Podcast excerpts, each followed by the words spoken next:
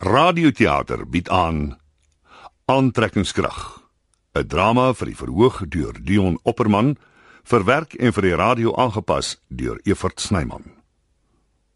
Die rolverdeling in volgorde van verskyning is Leonor Riana Wilkins, Zak Logner de Kok, Martin Richard van der Westhuizen, Susie Karen Wessels en Sandy Betty Kemp. Gaan ons heel nag hier buite staan of gaan jy die deur oopmaak? Ja, ja, ek soek net my sleutel. Wat ek nooit kan verstaan nie. Hoe is dit moontlik dat 'n man wat weet waar feitelik elke ster in die heelal is, nooit sy voordeursleutel kan kry nie? Ten minste het ek een. Ek is 'n vrou sak, ek hoef nie sleutels te dra nie. Dis hoekom God mans geskaap het. Hy het ons geskape om baie meer as net sleutels te dra. Asse. Gaan jy ingaan of wil jy my hier buite in die koue verder uittrap? Ek het nog nie begin nie. Dankie tog. Jy weet hoe haat ek verandering. Daar's net een ding erger as 'n studente drama in hierdie wêreld en dis 'n Shakespeare studente produksie. Selfs al het jou eie seun aangespeel. Maar ek het dit nogal geniet. En nie net omdat ons seune in was nie. Dis sekerlik beter as die laaste een. Jinzak en gou. Dink jy nie jy het genoeg gehad nie? Hoekom dink jy vra ek? OK. En asof dit nie genoeg is nie. Nie net Shakespeare nie, Hamlet. To be or not to be. Wat weet die mannetjie van to be or not to be? Hy het waarskynlik nog nie eers 'n ordentlike vry gehad nie, maar hy verwag 'n hele gehoor van volwassenes moet koop hy het al genoeg gesuffer om die vraag te mag vra. Hoe oud moet 'n mens dan nou wees? Maar ek weet nie, maar beslis ouer as 20. 21? 22? Ah, hier. Uh 30?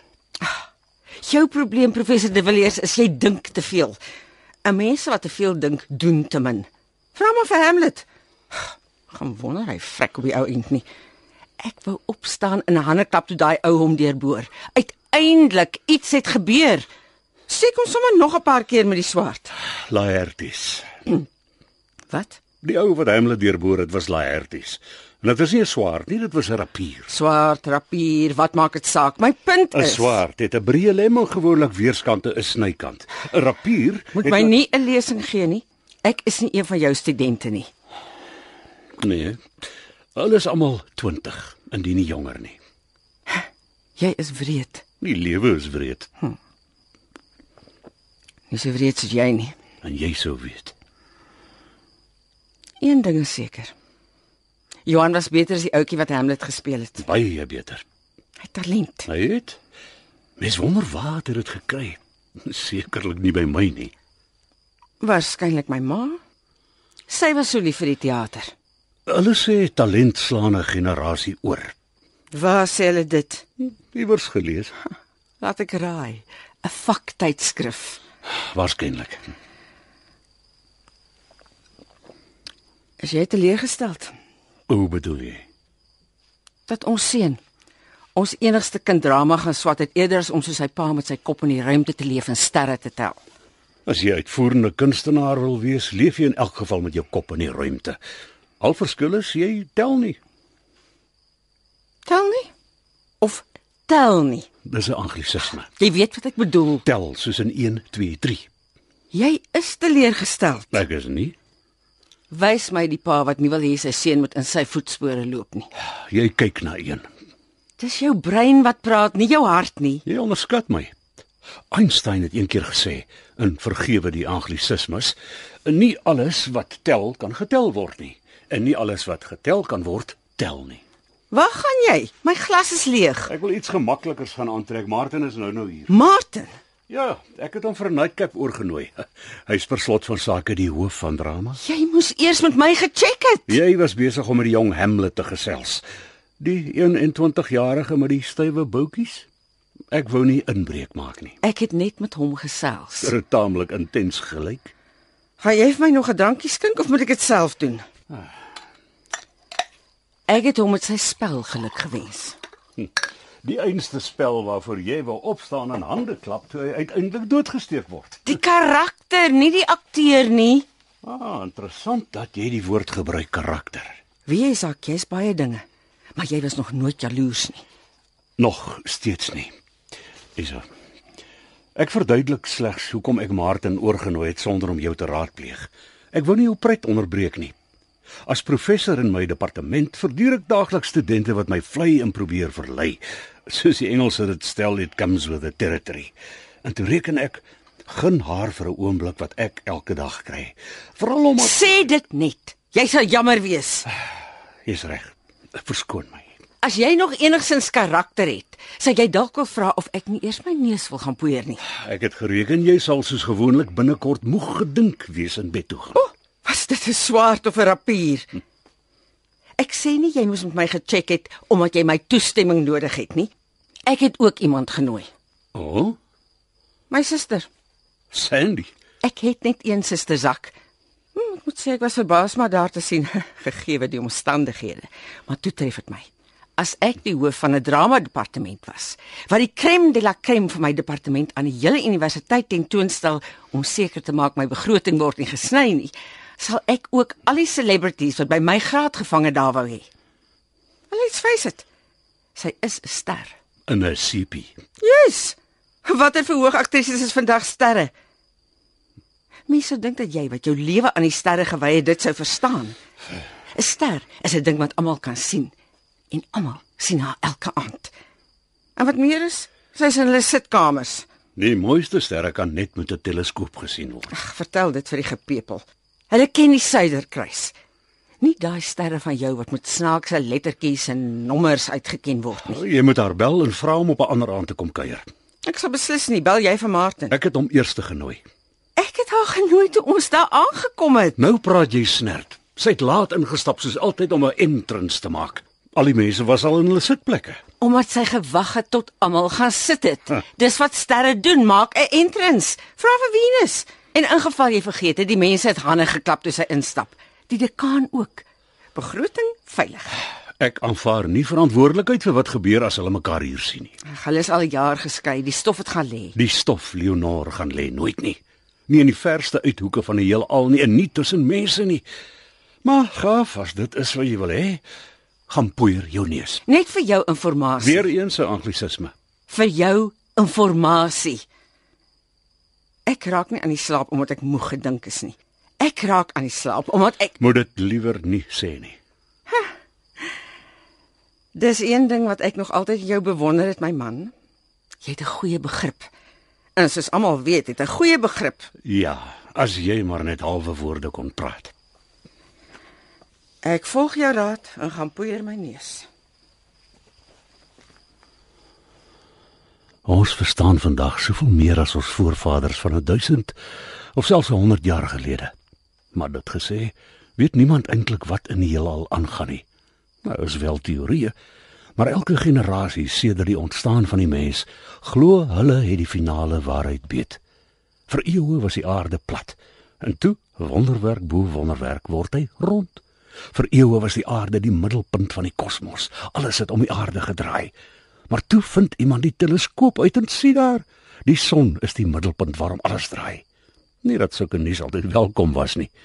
Vra maar vir Galileo wat met verskriklike marteling gedreig is en 'n paar ander wat op die brandstapels gesterf het. Maar op die ou einde see vier die waarheid. En die aarde word tot die derde stukkie rots om die son verklaar. Gelukkig was ons son nog steeds die middel van die kosmos totdat daar besef is ons hele sonnestelsel is maar net 'n klein uithoekie van die Melkweg. En ons Melkweg op sy beurt is net een sterrestelsel tussen ontelbare ander in die ruimte van 'n heelal. So onmeetbaar dat selfs Einstein van 'n god gepraat het. Vandag word geglo tyd en ruimte vorm 'n soort weefsel waarin alle materie, het sy die son, die aarde, die maan of 'n komeet, in direkte proporsie tot hulle massa 'n duik, 'n- nee nee nee, wat is 'n beter woord? 'n kom in daardie weefsel laat ontstaan waarin ander planete en sterre as dit ware in 'n sirkelgang begin val, amper soos die water wat uit jou bad uitloop. En van daar aantrekkingskrag. As dit waar is, as elke stukkie massa in die heelal, ongeag hoe groot of klein volgens hulle massa, duike of komme in die tydruimte weefsel maak en gevolglik aantrekkingskrag genereer, vra ek myself af, hoe lyk die kom wat 'n mens maak? En is dit hoekom mense so sterre en planete om mekaar begin wentel? Sak die deur. Ja, ek is op pad, gee kans. Ah, Martin, welkom. Lekker om hier te wees. En dankie vir die uitnodiging. En Mag ek voorstel? Zak, Susie. Ah, aangename kennis. Welkom. Kom binne, kom binne. Ek het nie besef jy bring iemand saam nie. Wat 'n lekker verrassing. Stap voor, soontoe, regs. Dankie. Maar wat drink julle, Susie? Uh, het jy tequila? Ongelukkig nie, maar uh, ek het vodka. O, oh, Uh, gin. Uh, whisky 'n vodka, dankie. met Uh, skoon, dankie. Mixers is nie so goed vir my lyf nie. Die suiker, jy weet. natuurlik. Martin, Whisky. Op ys, dankie. wie ons is self pas tuis. Daar's nie ys in die kabinet nie. Wag, ek gaan haal gou. Is jy seker is oukei dat ek saamgekom het? Natuurlik. Hy het gedink jy gaan alleen wees. Ek kon sien hy's verbaas om my te sien. Ja, my skat, maar waarskynlik vir ander redes as dat hy gedink het ek gaan alleen wees. Ek kan nie glo ek is in sy huis nie. Dit is so cool. Ek bedoel hy is so famous. My pa se groot fan. Hy sê Jacques de Villiers is een van die belangrikste denkers van Suid-Afrika nog ooit jy weet gemaak het. Opgelewer het. Kan jy dink hoe dit moet voel om elke dag van jou lewe oor die heelal te dink? Hoe dit alles begin het, om die sterre te meet. amper so opwindend as om hulle te maak. Skus, ek verstaan nie. Ek wou jou eers môre vertel, maar aangesien jy so aangaan oor jou hero, Zak de Villiers. Jealousy gets you nowhere. Ek het soos beloof met my vriend Dani gepraat. 'n Paar gunsies aangeroep en hy het onderneem om vir jou 'n hoofrol in sy nuwe dramareeks te skep. Wow, jy's nie ernstig nie. Ek mag dalk net hoof wees van 'n drama departement my gogga, maar moenie dink ek het nie kontakte in die bedryf nie. Dankie, dankie, dankie. OK, ons is in die famous Zak de Villiers huis, onthou? Hy's famous. Jy's sexy. Wanneer skiet ons? Julle begin oor 6 maande. Jy weet wat ek jou vanaand by die huis gaan aandoen, né? As hy vodka skoon, whisky op ys. Hy Dankie. Waar's Leonor? doen die neusding. Ah, Vader weet wat vrouens alles aanvang as hulle die neusding doen. Maar nou ja. Uh, jy Susie, as ek mag vra, wat doen jy? Selfs as al die ander vrouens, lipstifie, eyeliner. Ek bedoel eintlik wat doen jy vir 'n lewe? Jou werk, jou loopbaan. O, ek het onlangs my honeurs in drama voltooi en nou klop ek aan deur en probeer my karier aan die gang kry. O, toe nou Martin, lyk my jou wêreld word konstant deur aktrises omring. Daar sê Susie. Ah, dankie. En jy het graad gevang waar? Susie het onder my studeer. Ja. Figuurlik en letterlik neem ek aan. Kom nou Zak, ons was klaar op die rotse. Soos jou whisky. Op die rotse. So jy sien haar al 2 jaar lank. Ehm uh, julle is te vinnig vir my. Uh, waar praat ons? Rotse. Omgangstaal vir ys. Uh, okay. Ek verneem jou nuwe boek is 'n treffer. Nie dat ek anders verwag het nie. Hulle sê so ja, maar treffer is 'n relatiewe begrip. Harry Potter is byvoorbeeld in die wêreld van kinder- en tienerliteratuur 'n kosmiese treffer. En dit is soos ons weet 'n helse groot kosmos. Ek skryf vir 'n baie klein kosmos, 'n klein wêreltjie. Maar in daardie wêreltjie sê hulle my is dit 'n treffer. Dit betaal ten minste die verband wat meer is as wat ek van 'n professor se salaris kan sê, soos jy maar al te goed weet. My pa se groot fan. Ek ook. Ek het veral The Goblet of Fire geniet. O, nee, ek bedoel van jou werk. Ek dink dit is amazing wees om te doen wat jy doen. Het jy al ooit een gelees? Ek uh, nee, nee ongelukkig nie. Nie eers The Philosopher's Stone nie. O, ek dink jy bedoel my boeke. Nee nee nee, hoekom sou jy een van hulle wil lees? Al was hulle amazing om te doen. Zak, weet jy, as dit 'n probleem is glad dan glad glad nie. Ek is bly om te sien jy's gelukkig. Dis 'n rare ding soos ek en jy albei weet. En veels geluk met vanaand se produksie. Nie dat ek 'n kenner is nie, maar ek vermoed Hamlet is een van die minder maklike dramas om op te voer. Jou regie was uitmuntend, en veral aangesien jy met studente werk. Maar as hoof van 'n drama departement is dit logies dat dit jou fortuin sou wees om met studente te werk. Nou, weet jy wat? Ek het 'n baie vroeë klas môre. Martin, welkom. O, hallo. Leonor, lekker om jou te sien en dankie vir die uitnodiging.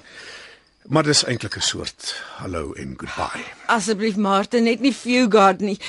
Nou, ek raak onmiddellik bang jy gaan 'n 5 bladsy monoloog opsê. Susie, Leonor. Aangename kennis. Af waarvoor die hand? Het my man van die sterre ten minste vir julle 'n drankie of 'n sappie aangebied? Ja, dankie. Uh, sal jy my glas asseblief hervul sak? Ek moet erken Martin. Toe Zak vir my sê ons moet 'n studenteproduksie van Hamlet bywoon.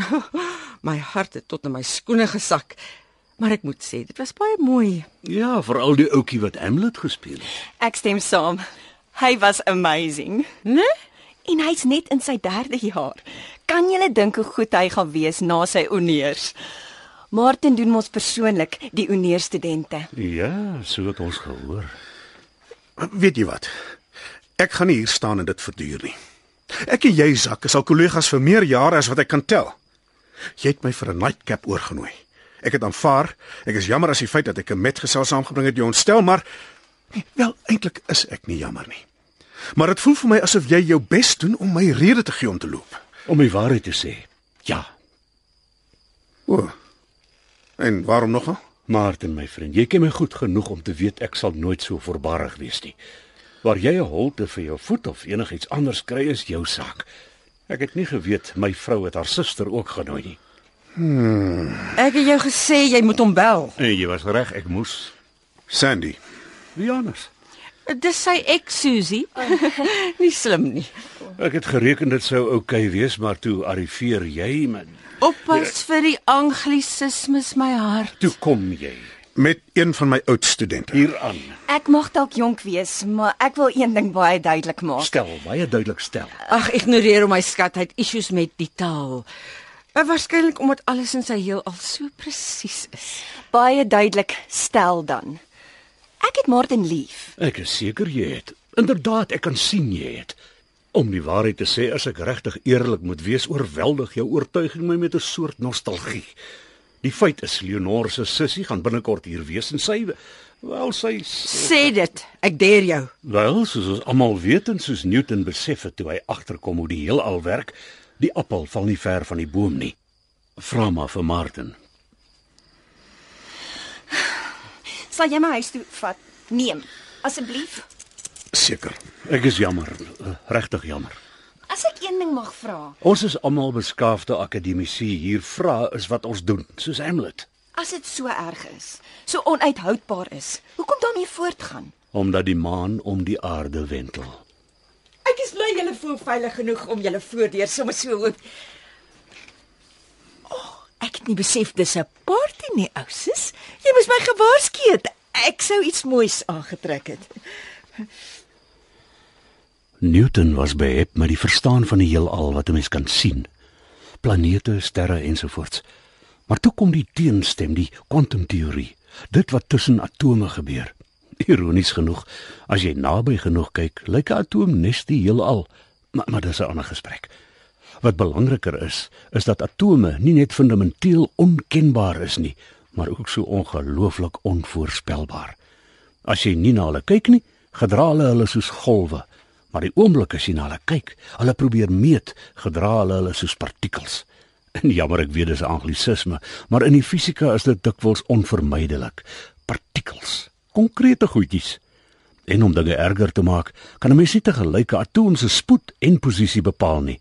Of jy weet waar hy is, of jy weet hoe vinnig hy beweeg, maar nooit albei nie. In breë terme is dit wat Heisenberg in sy onsekerheidsprinsip beskryf het. En dis die punt. Wanneer dit by die atoom kom, die boublok van alles in die heelal, insluitend die mens, werk jy met 'n paradoks. Niks is seker nie. Hy is daar en hy's nie daar nie.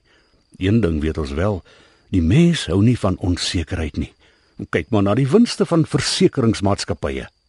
Kwantumfisika bewys die wêreld, die kosmos, alles word deur onvoorspelbaarheid en toeval regeer. Vir Einstein was dit onaanvaarbaar. God het hy vir Niels Bohr, voorstander van die kwantumfisika gesê, "Does not play dice with the universe." Einstein het daarna sy lewe gewy aan die soeke na 'n groot teorie wat die chaos en onvoorspelbaarheid van die kwantumfisika met die orde van Newton en sy eie teorie van die heelal kon versoen.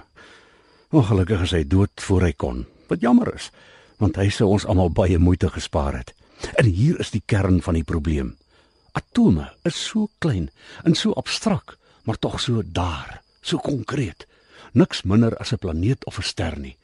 Om 'n idee te gee, daar is meer atome in 'n enkele glas water as glase water in die riviere en oseane en al die waters van die wêreld.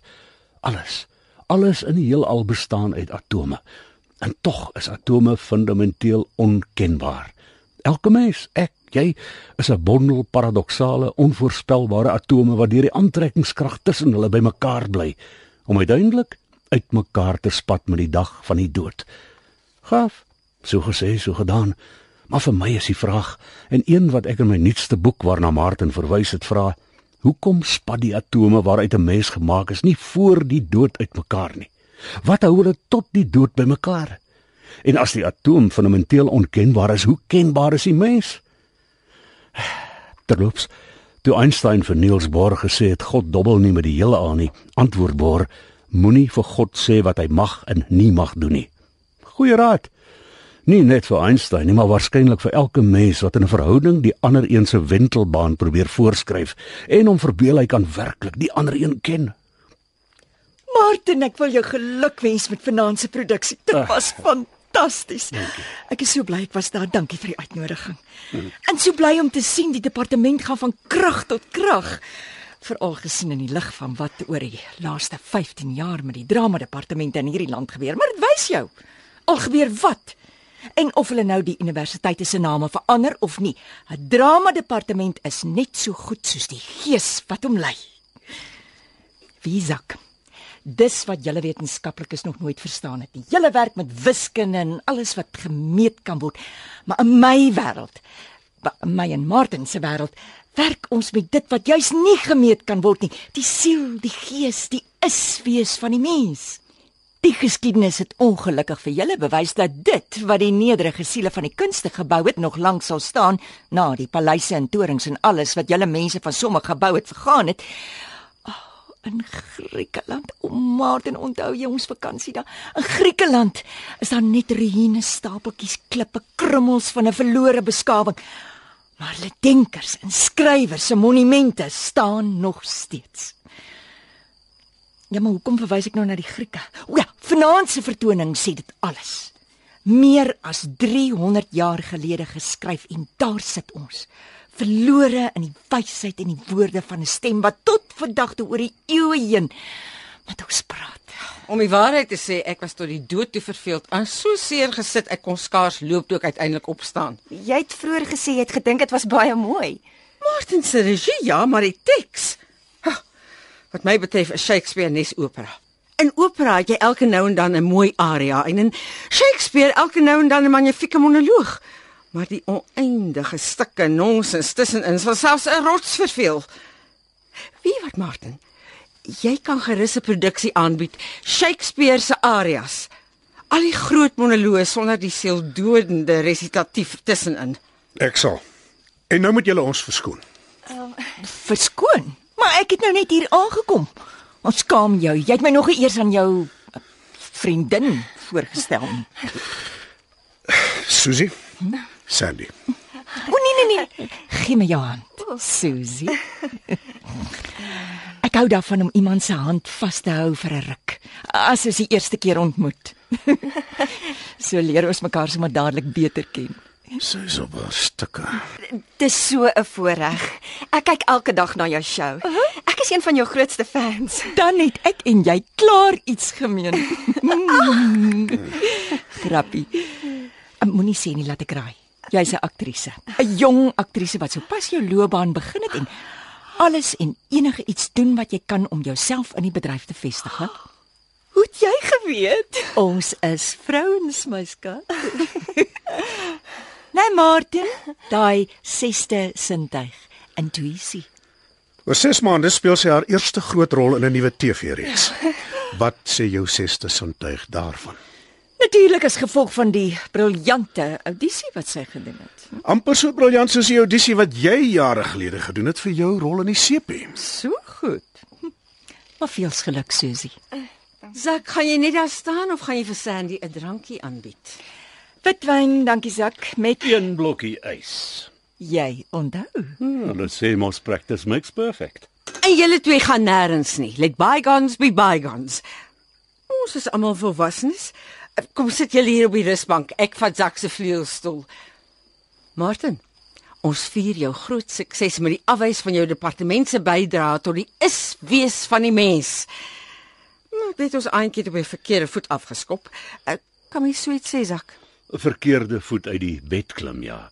Die regte voet voorsit. 'n Voet by stuk hou. Op gelyke voet voor die voet, onder die voete vertrap, maar op die verkeerde voet afgeskop in Engels, ja, maar nie sover ek weet in Afrikaans nie. sien jy Susie my skat, as jy jou bed met 'n professor wil deel, moet jy so gou as moontlik aan lang antwoorde begin gewoond raak. Met onderskrifte en 'n bibliografie. Juis.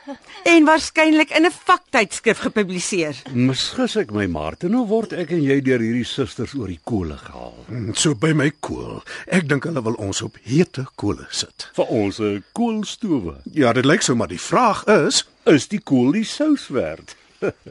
Jou wyn, Sandy. Dankie. O, ek geniet dit so as julle twee dit doen. Dit herinner my aan die ou dae. Ag, doen vir ons daai ding van julle met die spreekwoorde. Toe toe toe toe. Wys vir Susie. Ag, toe. Sy sal dit so geniet. Dit was 'n party trick, Susie. as jy nie omgee nie, Sandy, sou ek verkies Nee nee nee nee nee, ek dring daarop aan. Toe kom nou. Moenie ewe skielik so beskeie wees nie. Jy is per slot van sake hoof van die departement van drama. Loop in jou bloed. Mm. Jy weet Susie, ek haat dit as 'n mens wat gebore is om af te wys skielik voorgee. Hy's beskeie. En jy weet hoekom doen hy dit, né? Hy wil hê jy moet smeek. Kom nou, moenie maak asof julle twee seentjies is wat deur hulle mammies gevra word om vir die gaste 'n gedig op te sê nie. Jy weet hulle gaan nie ophou nie, nee. het hulle ooit. Nee, omdat daar vir hulle baie aan die kapstok hang. Ja, gat hulle. Wat my betref is dit veel geskreeu en weinig wol. Hmm, miskien moet ons vir hulle beduie hoeveel boontjies 5 is. Of hulle leer om 'n noodlaar te sing. 'n Knippel in die hoenderhok gooi. Dit sal 'n plesier wees soos mossies wat in 'n daggabos gewy het. Maar plesier is net 'n jong komkommer as jy hom pluk vir lephuisel. Ja, van die hand na die tand val die pap in die sand. En 'n mens kan nie sonder 'n hand 'n vuis maak nie, Dis 'n waarheid soos 'n koei maar een wat nie gesê wil wees nie. en tog in die gesig gestaar moet word. Want dis 'n heilige waarheid. Die naakte waarheid. Rondborstig gepraat. Kaalvuis vertel. Nooit bewimpel nie, want Geen waarom sonder 'n daarom nie.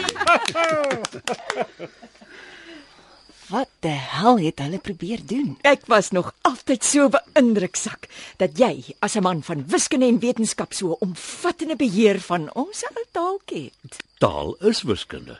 Gee hom 'n halwe kans, Susie my skat, en hy sal jou probeer oortuig alles is wiskunde, Alles is wiskunde. selfs die liefde.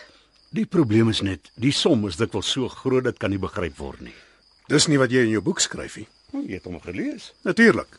Ja, dis wat ek kan sê. O, sis, is nie nodig om aan almal te erken jou matriek voorgeskrewe boek was jou laaste nie. Ek sê altyd 'n vrou moet haar geheimpies hê. Dit maak haar misterieus, aantreklik. Moenie my geheimpies onderskat nie, sissie.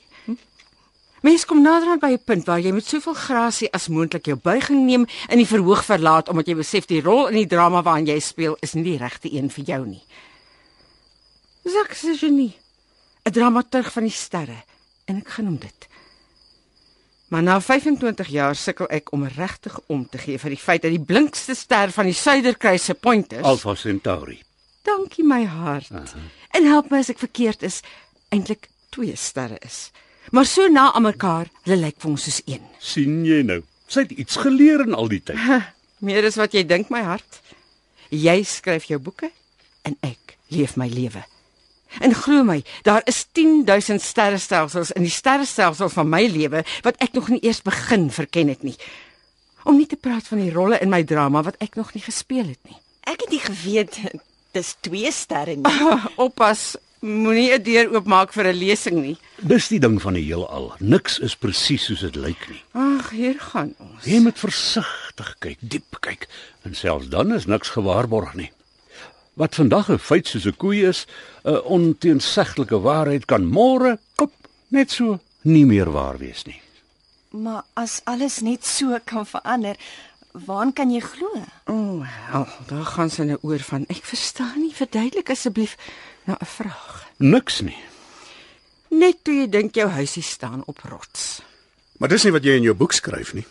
Die een wat ek gelees het, die nuutste een, die treffer in jou klein wêreldkiekie wat die verband betaal. Verbeel ek my of bespeer ek te midde van ons informele geselligheidjie 'n titseltjie van 'n uitdaging, Martin? Kan ek jou herinner ek was op pad uit. Maar Leonor het my gekeer en jy het haar nie gekeer nie. So, jammer as ek ietwat konfrontasioneel klink. Is dit 'n anglisisme? Maar aangesien ek reeds my skuif tot ek dink dit sal beter wees as ek loop gemaak het en dit van die bord afgevee is, reken ek dis aanvaarbaar as ek jou daarop attent maak dat jy jouself weerspreek. Touche. Hm, ek sou kon antwoord, maar ek is bevrees my antwoord is nie nou van pas nie. Om nie eers te praat van die feit dat ek weer daarvan beskuldig sal word dat ek 'n lesing afsteek nie. In watter opsig nie van pas nie. Nou nie sin dat dit waarskynlik op 'n gesprek gaan uitloop wat 'n paar mense in hierdie kamers ontstel. Ek hoop jy verwys na my nie, Zak. Onmoontlik sis. Ons weet almal jy was ontstel die dag toe jy gebore is. Niks op aarde kan jou verder ontstel nie. Ek dink hy verwys na Susie. Is ek regsak? Verwys jy na Susie? Nou is jy kras. Dis my forte. Sandy is ontstel en ek is kras. Dis twee van daai uh, wat is die woord wat jy so baie gebruik? Ag man, dis op die tippie van my tong. Wag, ehm um, onveranderlikes van die heelal. Die spoed van lig, my skat, is 'n onveranderlike. Aantrekkingskrag is 'n onveranderlike. Die elementêre lading is 'n onveranderlike, maar die mens is nie. Um, nie geweet studente klap deesdae hulle vingers in jou klas vir aandag nie. Sy dink sy's in jou lesingsaal. Ek weet ek is nog jonk en ek weet niks van die heelal af nie. Maar ek dink jy's verkeerd. In my ervaring En moet dit nooit onderskat nie, al is jy nog jonk. Dankie. Uh, mense verander miskien 'n bietjie aan die buitekant, maar aan hulle diepste binnekant is hulle dieselfde persoon van die dag van hulle geboorte tot die dag van hulle dood. Bravo, nie net 'n mooi gesig nie. Daar het jy dit sak. 'n Nuwe onveranderlike, die menslike onveranderlike. Hmm, sou dit nie lekker wees nie. Ongelukkig moet 'n universele onveranderlike presies dit wees. Universeel. En aangesien die mens 'n nietige en kortstondige verskynsel op een klein planeetjie van 'n sonnestelseltjie in 'n uithoekie van 'n gemiddelde sterrestelsel is, sou dit net 'n simptoom van menslike verwaandheid wees om te glo dat dit wat die mens is, dwars deur die kosmos van toepassing is. Maar dit gesê, ja, Susie, ek stem saam. Mense is wat hulle is. Ons noem dit mense natuur. Dit byvoorbeeld is die rede hoekom jy daarop kan staatmaak dat Sandy ontstel sal wees en my vrou kras. En jy altyd slimmer as die res. Mea culpa, mea maxima culpa. En Martin? Waarop kan ons staat maak dat Martin altyd sal wees? By 'n aktrise. En verkies ek een wat nie ontsteld of kras is nie. En jy, Susie? Wat is jy? Ekskuus? Ontsteld of kras? Jy verstaan wat hier aangaan, Susie. Sandy kan dit nie weerstaan om swaarde te kruis met enige vrou wat in my belangstel nie.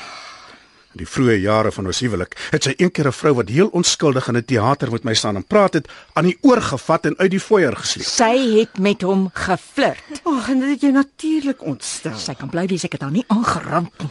Wat anders? Nou ja, toe nou hou ons lekker party. Sak skaam jou, my glas is lankal leeg. Nou, dis iets waarop ons kan staatmaak. Beslis 'n universele onveranderlike. Jy's so lief. Jy ook. Mwah. Jy het nog nie my vraag geantwoord nie, Zak. En jy dring daarop aan. Baie beslis. En ek is die een wat altyd swaarde wil kruis. Onthou net, ek het jou gewaarsku. So aangeteken. Mag ek vra dat jy dit so kort en bondig as moontlik hou? Inteendeel, antwoord breedvoerig. Net een versoek, Zak. Gebruik asseblief woorde wat ek en Susie kan verstaan. Ons is aktrises. Ons kan bladsye dialoog uit ons koppe leer en vir jare onthou, maar ons verstaan nie veel nie, veral nie groot woorde nie. Dinge is selde soos wat hulle lyk. Baie van die sterre wat jy sien is nie meer daar nie. Dis net hulle lig wat jy sien. Maar omdat hulle so ver van die aarde af is, neem daardie lig miljoene jare om hier te kom. Met die gevolg dat lank nadat daai ster reeds gesterf het, ons nog die lig wat nog steeds oor daardie biljoene kilometer na ons toe reis sien. Die vraag is dus: bestaan 'n ster wat lankal gesterf het net omdat jy sy lig nog kan sien? Is 'n ster sy lig of is 'n ster die ding wat die lig gemaak het? En 'n mens sou dieselfde van 'n verhouding kon vra. Lewe die ster nog of sien jy net sy lig nadat hy lankal gesterf het? Met ander woorde, niks is seker nie. Dit hang af waar jy staan wanneer jy kyk. Iemand baie nader aan daardie ster sou lankal gesien het hoe hy sterf terwyl jy nog dink hy leef. Dit byvoorbeeld Sandy, is hoe ek geweet het jou en Martin se huwelik het gesterf lank voor jy dit besef het. Jy het nog die lig gesien, maar almal om julle het reeds die ster sien sterf. Nou raak jy persoonlik. Ek het jou gewaarsku. As jy dit geweet het, hoekom het jy my nooit gesê nie? Dit is veiliger om die heelal objektief te aanskou as om jou subjektief in te meng. En so praat 'n wetenskaplike. Kyk, observeer. Ah, Skus. Neem waar. Maar om Vader se naam moet net nie subjektief raak en jou emosie inlaat nie. Moenie my emosie onderskat nie. Wel, in my wêreld is emosie al wat seker maak dat gehore elke aand inskakel. Hulle kyk juis om te voel, beslis nie om te dink nie. Om te dink is 'n gevaarlike ding, tensy jy baie baie diep dink.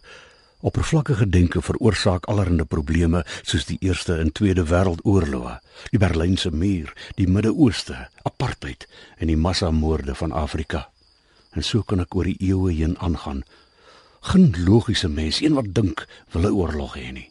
Het sy oor 'n stuk grond of vir olie of in sy persoonlike verhoudings nie. Maar dis die probleem met menswees. Ons dink nie net nie, ons voel. Ek lees onlangs 'n verslag van 'n man wat in 'n voertuigongeluk was. Sy brein is beskadig in presies daardie area van die brein wat emosie skep. Die gevolg was dat die man nadat hy van die ongeluk herstel het, hoegenaamd geen emosie kon voel nie. Hy kon praat, hy kon dink. Hy was in alle opsigte normaal behalwe dat hy geen emosie ervaar het nie. Op daardie punt in die artikel het ek gedink, "Wel, dit kan dalk lekker wees." Ja, jy voel nooit gelukkig nie, maar jy voel ook nie ongelukkig nie. Geen uiterstes van emosie nie, amper soos die effek van 'n sterk antidepressant. Maar toe lees ek verder. Mense op antidepressante voel nog steeds, net nie op die uiterste nie, maar hierdie man het geen emosie ervaar nie en die gevolg daarvan was hy het absoluut niks gedoen nie. Hy het net daar gesit, choep stil. Die gevolgtrekking van die navorsing was dat emosie, nie denke nie, die dryfveer van aksie is. Dat die mens net iets doen omdat hy iets voel. Al wat denke kan doen, is 'n beste poging aanwend om daardie emosiegedrewe aksies in 'n vrugbare rigting te stuur. En dis nie maklik nie, want soos ek gesê het, as jy dink, moet jy diep dink. En dit verg moeite en oefening en baie energie, meer as wat die meeste mense tot hulle beskikking het. Wat ek wil weet is, hoe het jy geweet? Hoe het jy voor my geweet ek staar na die lig van 'n ster wat lank al gesterf het? Ek dink nie hierdie is 'n O geleentheid. nee nee nee nee. Moenie eers daaraan dink Ek nie. dink jy moet my huis toe vat, Martin. Inteendeel my skat. Jy moet juis nou daarop aandring om te bly. Ja, my bokkie, ek dink jy moet bly sit. Ek het die bed en lyf geken wat jy nou leer ken. En net soos jy het ek daardie bed en lyf toe ek sy student was en hy nog net 'n dosent, nie die hoof van die departement nie, leer ken. En ek stel voor dat jy, anders as ek, vroeër eerder as later vasstel of jy net na die lig van 'n dooie ster staar en of daardie ster nog werklik bestaan. En jy voel jy die reg om dit vir haar te sê.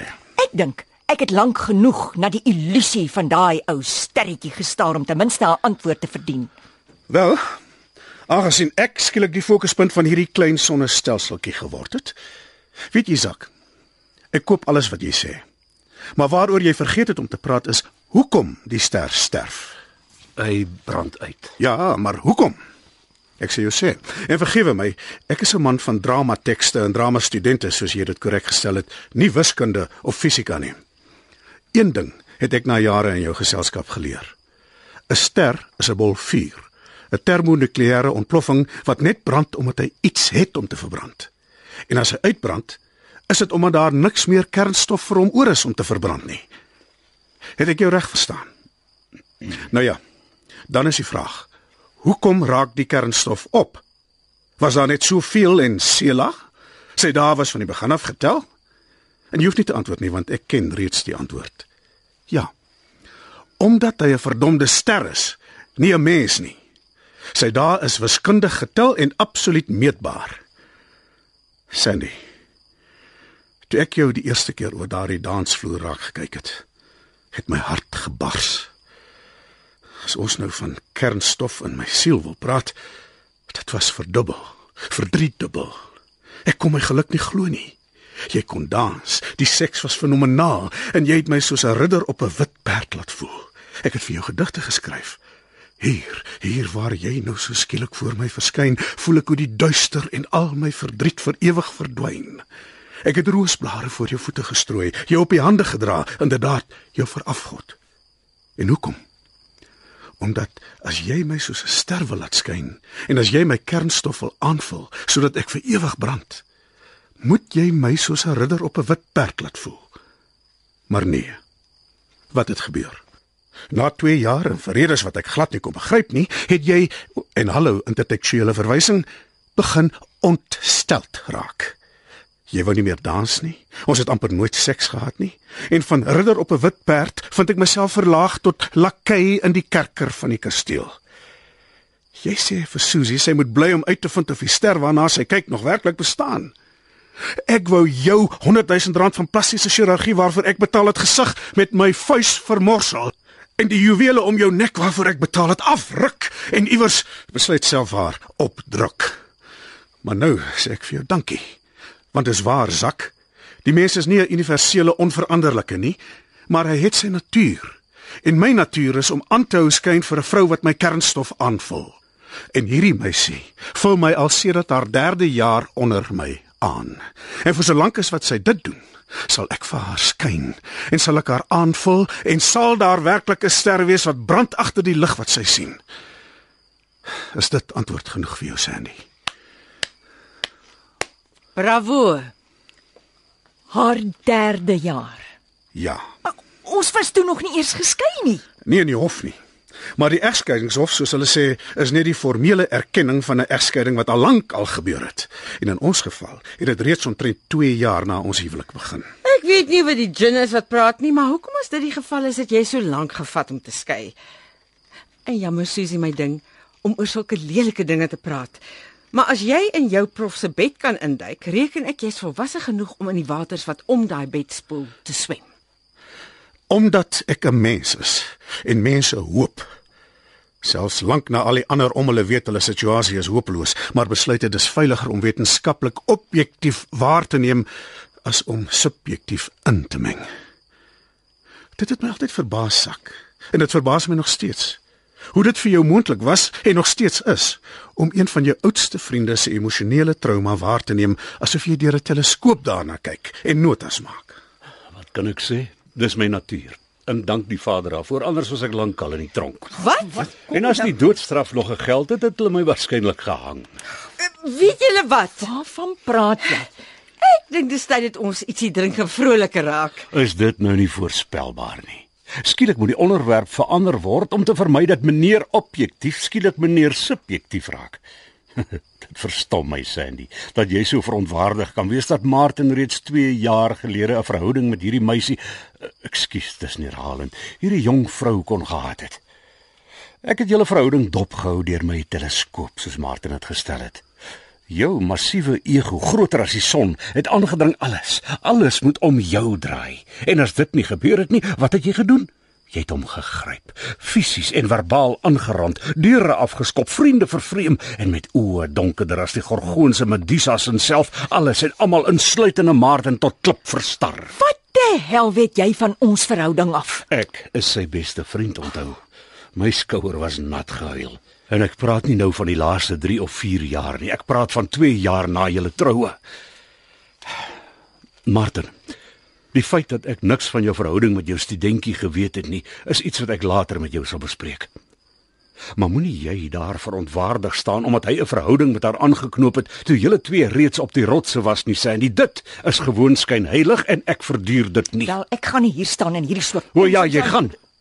Jy was die een wat vir Susie gesê het sy moet bly toe sy wou gaan en nou kan jy jou eie raad volg. Nou gaan jy te ver, sak. Dis my sin. Jy hoef my nie te sê wie dit is nie. Ek ken haar vandat ek jou ken. En weer eens is ons by daardie appel. Genetika is genetika. Sit Sandy. Dink jy ek weet nie wat jy gedoen het nie, Leonor? Hæ? Dink jy ek weet nie hoeveel keer jy my oor die jare verneek het nie? Jou suster het haar man verniel en jy het elke man wat jy ontmoet het probeer verlei. En soos hulle sê verleiding is 'n numbers game. Hou lank genoeg aan en jy sal hier en daar 'n sukses hê. Hoe durf jy my van so iets beskuldig? Ek reken daar is een of twee mense in hierdie kamer wat dit vir jou sou kon verduidelik. En nou? Dramatiese stilte. Mens sou sweer ons is een van Martin se dramas op 'n verhoog. Of is dit omdat ons nou lekker party hou en vrolik is? Van Van hoeveel weet jy? Minstens 4. O oh my skat, jy stel my te leer. Daar was baie meer. Dankie vir jou eerlikheid. Maak jou mond toe, liewe Susie. Hierdie gemors lok vlee. En ek het gedink jy het die perfekte Kom nou sis. Ons weet mos almal daar's baie wat jy van jouself kan sê, maar dink is nie een van hulle nie. Jy's 'n celeb, 'n ster. Skoenmaker hou jou by jou lees. Skyn. Ja. Maya culpa, ek was ontrou. Vir jare het ek probeer om die waardige vrou aan sy beroemde en belese arm te wees, om nie vir pa by al die geletterde byeenkomste te maak nie. Ek het geleer die beste manier om slim belese akademici te laat dink jy is so slim soos hulle is om hulle eenvoudig te vra om oor hulle vakrigting te praat. Daarna kan jy verseker wees van twee dinge. Hulle gaan minstens 'n halfuur onophoudelik oor hulle self praat. Nie kort nie, en beslis nie bondig nie. En tweedens stap hulle weg en verklaar: "Jacques de Villiers se vrou is so intelligent." Vir wat ek kan aflei Susie my skat, is jy nie jy's Google op bene nie. En soos meeste aktrises, nie jy's die brein wat die volgende groot onveranderlike gaan ontdek nie. Maar aanvaar 'n bietjie raad van 'n ou sosiale hoer wie se glas altyd leeg is. Aan die arm van 'n professor word jou IQ my skat en jou geletterdheid bepaal in direkte proporsie tot die mate wat jy jou bek kan hou en daardie pretensieuse sotte die kans gee om jou te wys hoe slim hulle is. Kry dit vir genoeg jare reg en hulle verklaar jou tot genie. Selfs slimmer as jou man. Omdat hy soos hulle nooit iemand die kans gee om vir 'n halfuur sonder onderbreking te wys hoe slim hulle is nie. Maar doen dit reg en jy sal 'n genie wees en altyd met 'n leë glas. Soos Uyskriege gesê het, die lewe is alleen draaglik as 'n mens 'n bietjie dronk is. Maar ek beloof jou, om 'n akademiese skemerkelkie aan te verduur, moet jy meer as net 'n bietjie dronk wees. En dit, vriende, is iets wat nooit sal verander nie. Nie eers in 'n sterrestelsel aan die ander kant van die heelal nie. En met die tyd begin jy alleen raak. En verlang jy om jou aan te haal, Martin. Na 'n ridder op 'n wit perd wat roosblare voor jou voete strooi en jou by hande dra. Al is dit net vir een aand. Is dit eerlik genoeg vir jou, my man? Indrukwekkend, maar onvoldoende. Ek kan nie glo jy praat so maklik oor sulke dinge in die publiek nie. Jy's 'n mooi een. Jy spring in 'n ander vrou se man se bed nog voor hulle geskei is. En moet asseblief nou nie jou gat wip en aankondig Martin met jou huis toe vat nie. Jammer, was dit krassak. Jy het gesê dis verby tussen julle. Dit was. Teen daardie tyd het ons reeds in twee aparte huise gebly. Korreksie.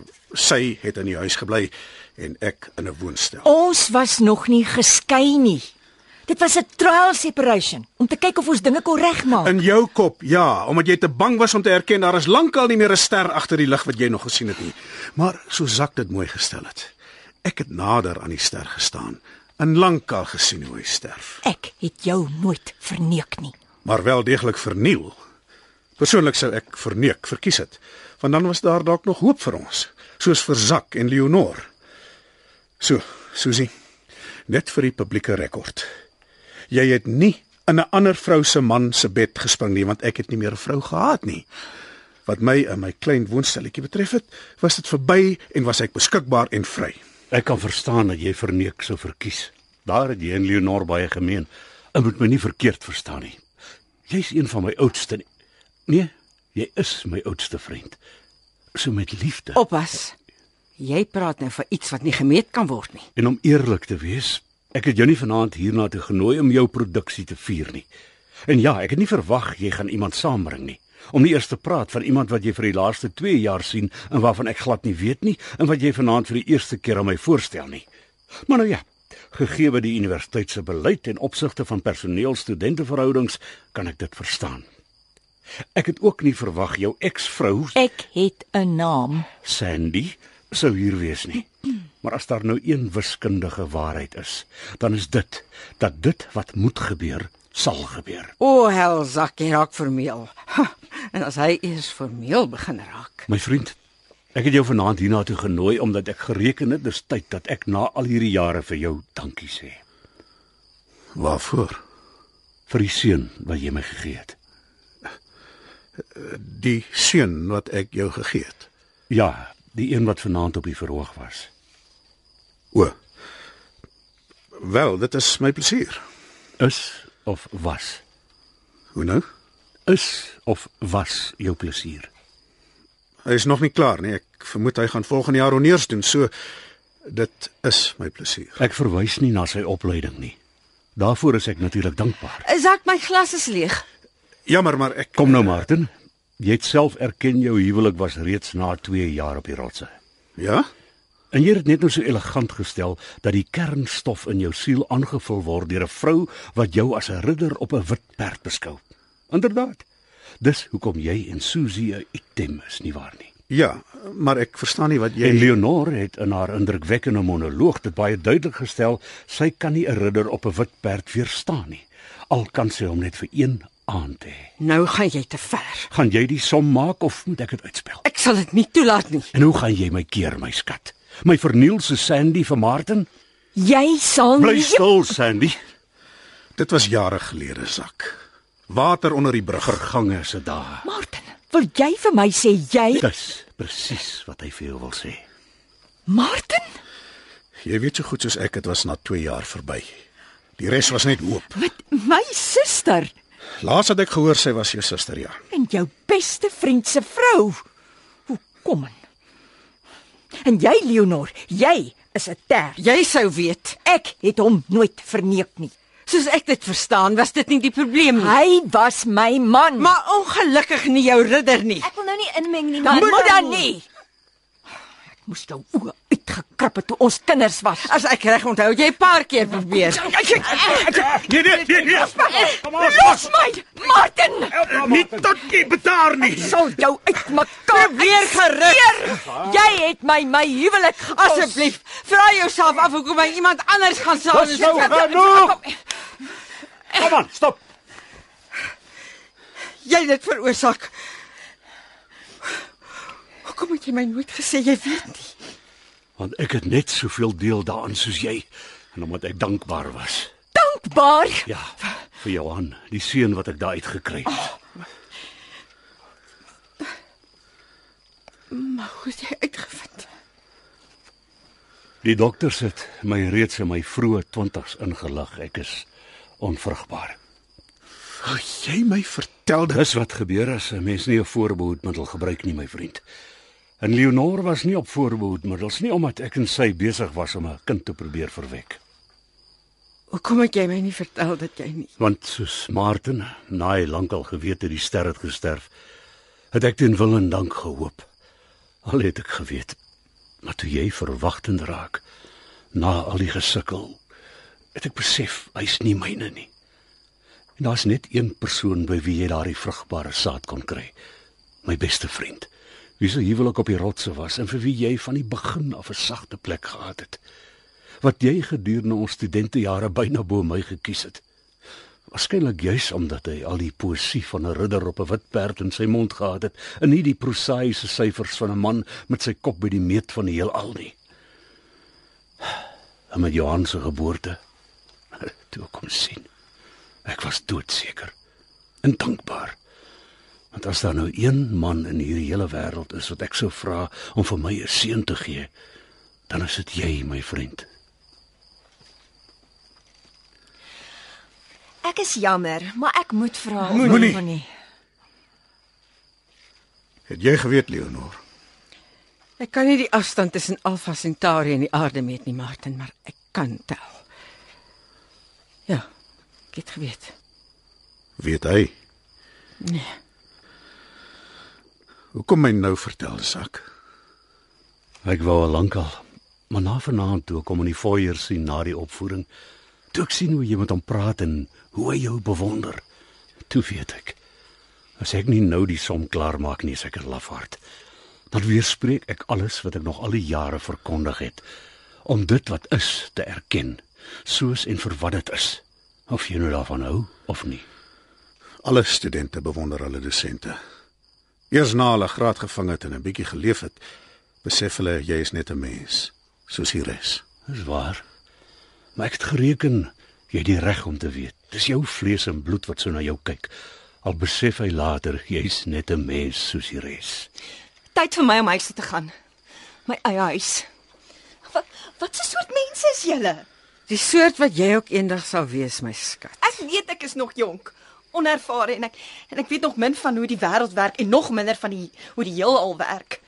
En soos jy weet, Martin, was ek onseker of ek moes saamkom vanaand, maar jy het aangedring. Tyd om my beste vriend te laat weet wat regtig in my lewe aangaan, het jy gesê. En ek is bly jy het. Want anders het ek en jy waarskynlik vir nog baie jare hiermee aangegaan. En teen die tyd dat ek in my middel 30's kom, sou ek waarskynlik nie meer jou meisie en jou lover wees nie, maar jou verpleegster met met jou reeds in jou 70's met waarskynlik 2 of 3 beroertes agter die blad. Susie, ek is Moenie. Professor De Villiers, ek sal myself uitsien. Ek het myself en glo dit of nie, ek weet hoe om 'n taxi te bestel. Tonpiet aan te vra. En Martin, wat dan in die rol in die TV-drama betref, sê vir hom ek is ongelukkig nie beskikbaar nie. Ek het besluit om 'n rol in 'n ander drama te speel, een wat ek self gaan skryf. En, en dit is taxi, nie huurmotor nie. Ek wil nie 'n kar huur nie, slegs 'n geleentheid. Net vir ingeval jy dink ek het 'n taalfout begaan.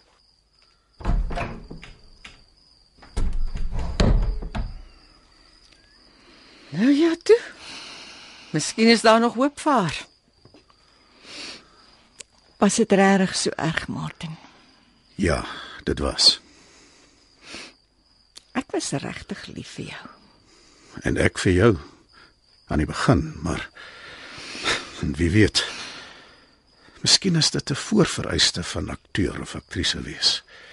Alles moet om jou draai. En as dit nie gebeur nie, loop dinge skeef. En eerder as om saggies om die een wat roosblare voor jou voete strooi te wentel, om 'n woord te gebruik wat Zak se goedkeuring wegdra, verander jou koers na 'n botsingskoers en word albei planete vernietig. Ek was nie bereid om deel van die ontploffing te wees nie. Ons is albei ouer en wyser. Miskien kan ons weer probeer. Weet jy, in 'n romantiese chick fliek is dit waarskynlik wat sou gebeur het. Maar hierdie is die regte lewe. En soos 'n jong dingetjie wat die afgelope 2 jaar my bed en lyf geken het, maar my soos 'n ridder laat voel het dit gestel het. Mense is wie hulle is. Ek is ek en jy is jy en tussen jou en my kan daar net een uitkoms wees. 'n Botsing en ontploffing van kosmiese proporsie. Wat jammer is, want die seks was fenomenaal. Ja ja. In daai geval bly daar nie vir my veel oor behalwe om my buiging te neem en met soveel grasie moontlik die verhoog te verlaat nie. Ek ek stap saam. Dankie. Sterkte met jou seun Martin. My saad Zak se seun. En wat my betref is daar geen rede hoekom hy hoef te weet nie. Dit is hoe dit was en dit is hoe dit sal wees. Wederom.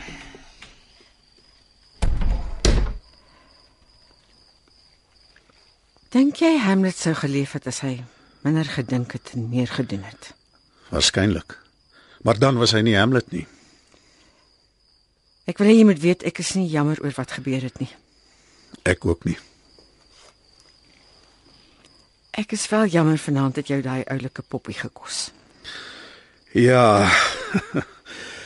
Sy sou my waarskynlik gelos het lank voor die eerste beroerte aanval. As hy enigsins 'n brein het, ja. Ek neem aan julle tweeetjies het nie juis oor veel gepraat nie. Dis wat so lekker was. Verhoudings is nie vir sissies nie. Huwelike nog minder. So. Waar jy nou? Môre aand begin ek aan 'n nuwe produksie repeteer. Ah, Met die tweedejaars. Is jy seker jy wil hom nie sê nie? Ja. Hy's gelukkig in die rol wat hy speel. En daar's nie baie mense in hierdie wêreld wat dit kan sê nie. Nou ja, ek moet gaan. Zak sal nou hier wees. Ek groet hom sommer buite. Dankie dat julle kom kyk het. Ek weet wat 'n marteling dit is om deur 'n studentedrama te sit, veral Shakespeare en boonop Hamlet.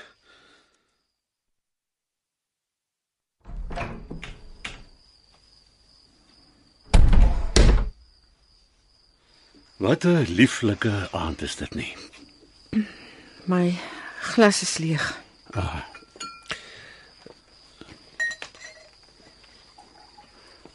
sê. Hierso. Die spoed van lig is een van die mees paradoksale onveranderlikes van die kosmos. Lig beweeg teen net onder 300 000 km per sekonde. Maar hier is die probleem. As twee karre na mekaar toe ry albei teen 100 km per uur, is die spoed waarteen hulle mekaar nader 200 km per uur. Maar as twee karre elk teen die spoed van lig na mekaar toe ry, is die spoed waarteen hulle mekaar nader nog steeds onder 300 000 km per sekonde, nie 600 000 nie.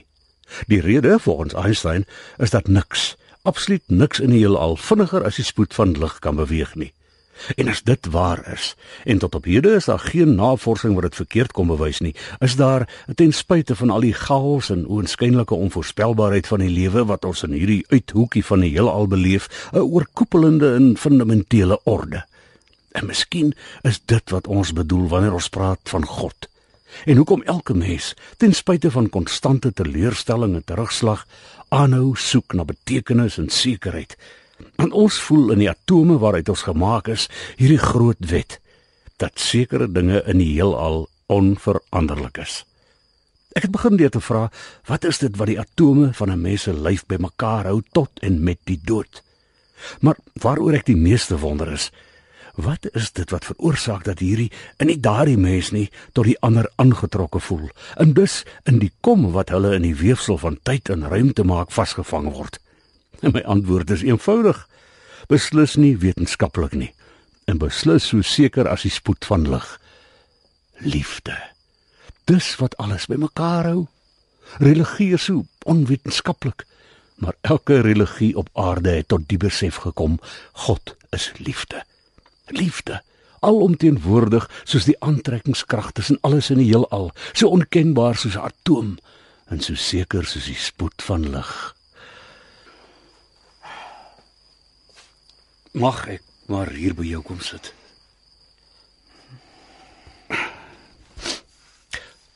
Hoekom het jy met my getrou? Geen idee nie. Jy? Geen idee nie.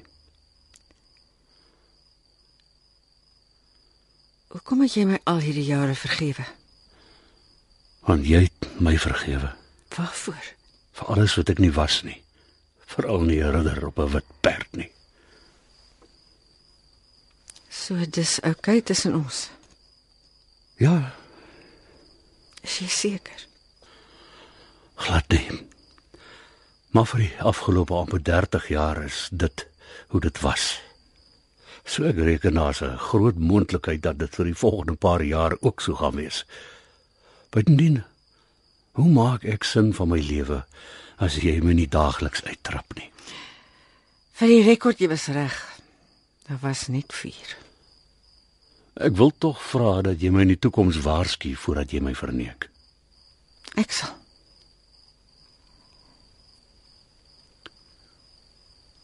Jy weet ek het jou lief. Meer as die lewe self. Ja. En ek vir jou. Dit was aantrekkingskrag deur Dion Opperman. Die rolverdeling was soos volg: Leonor Riana Wilkins, Zak Logner de Kok, Martin Richard van der Westhuizen, Susie Karen Wessels en Sandy Betty Kemp. Die tegniese span was Skalk Foster en Evert Snyman Junior. Aantrekkingskrag, 'n drama vir die verhoog deur Dion Opperman, is verwerk vir die radio aangepas en in Johannesburg opgevoer deur Evert Snyman.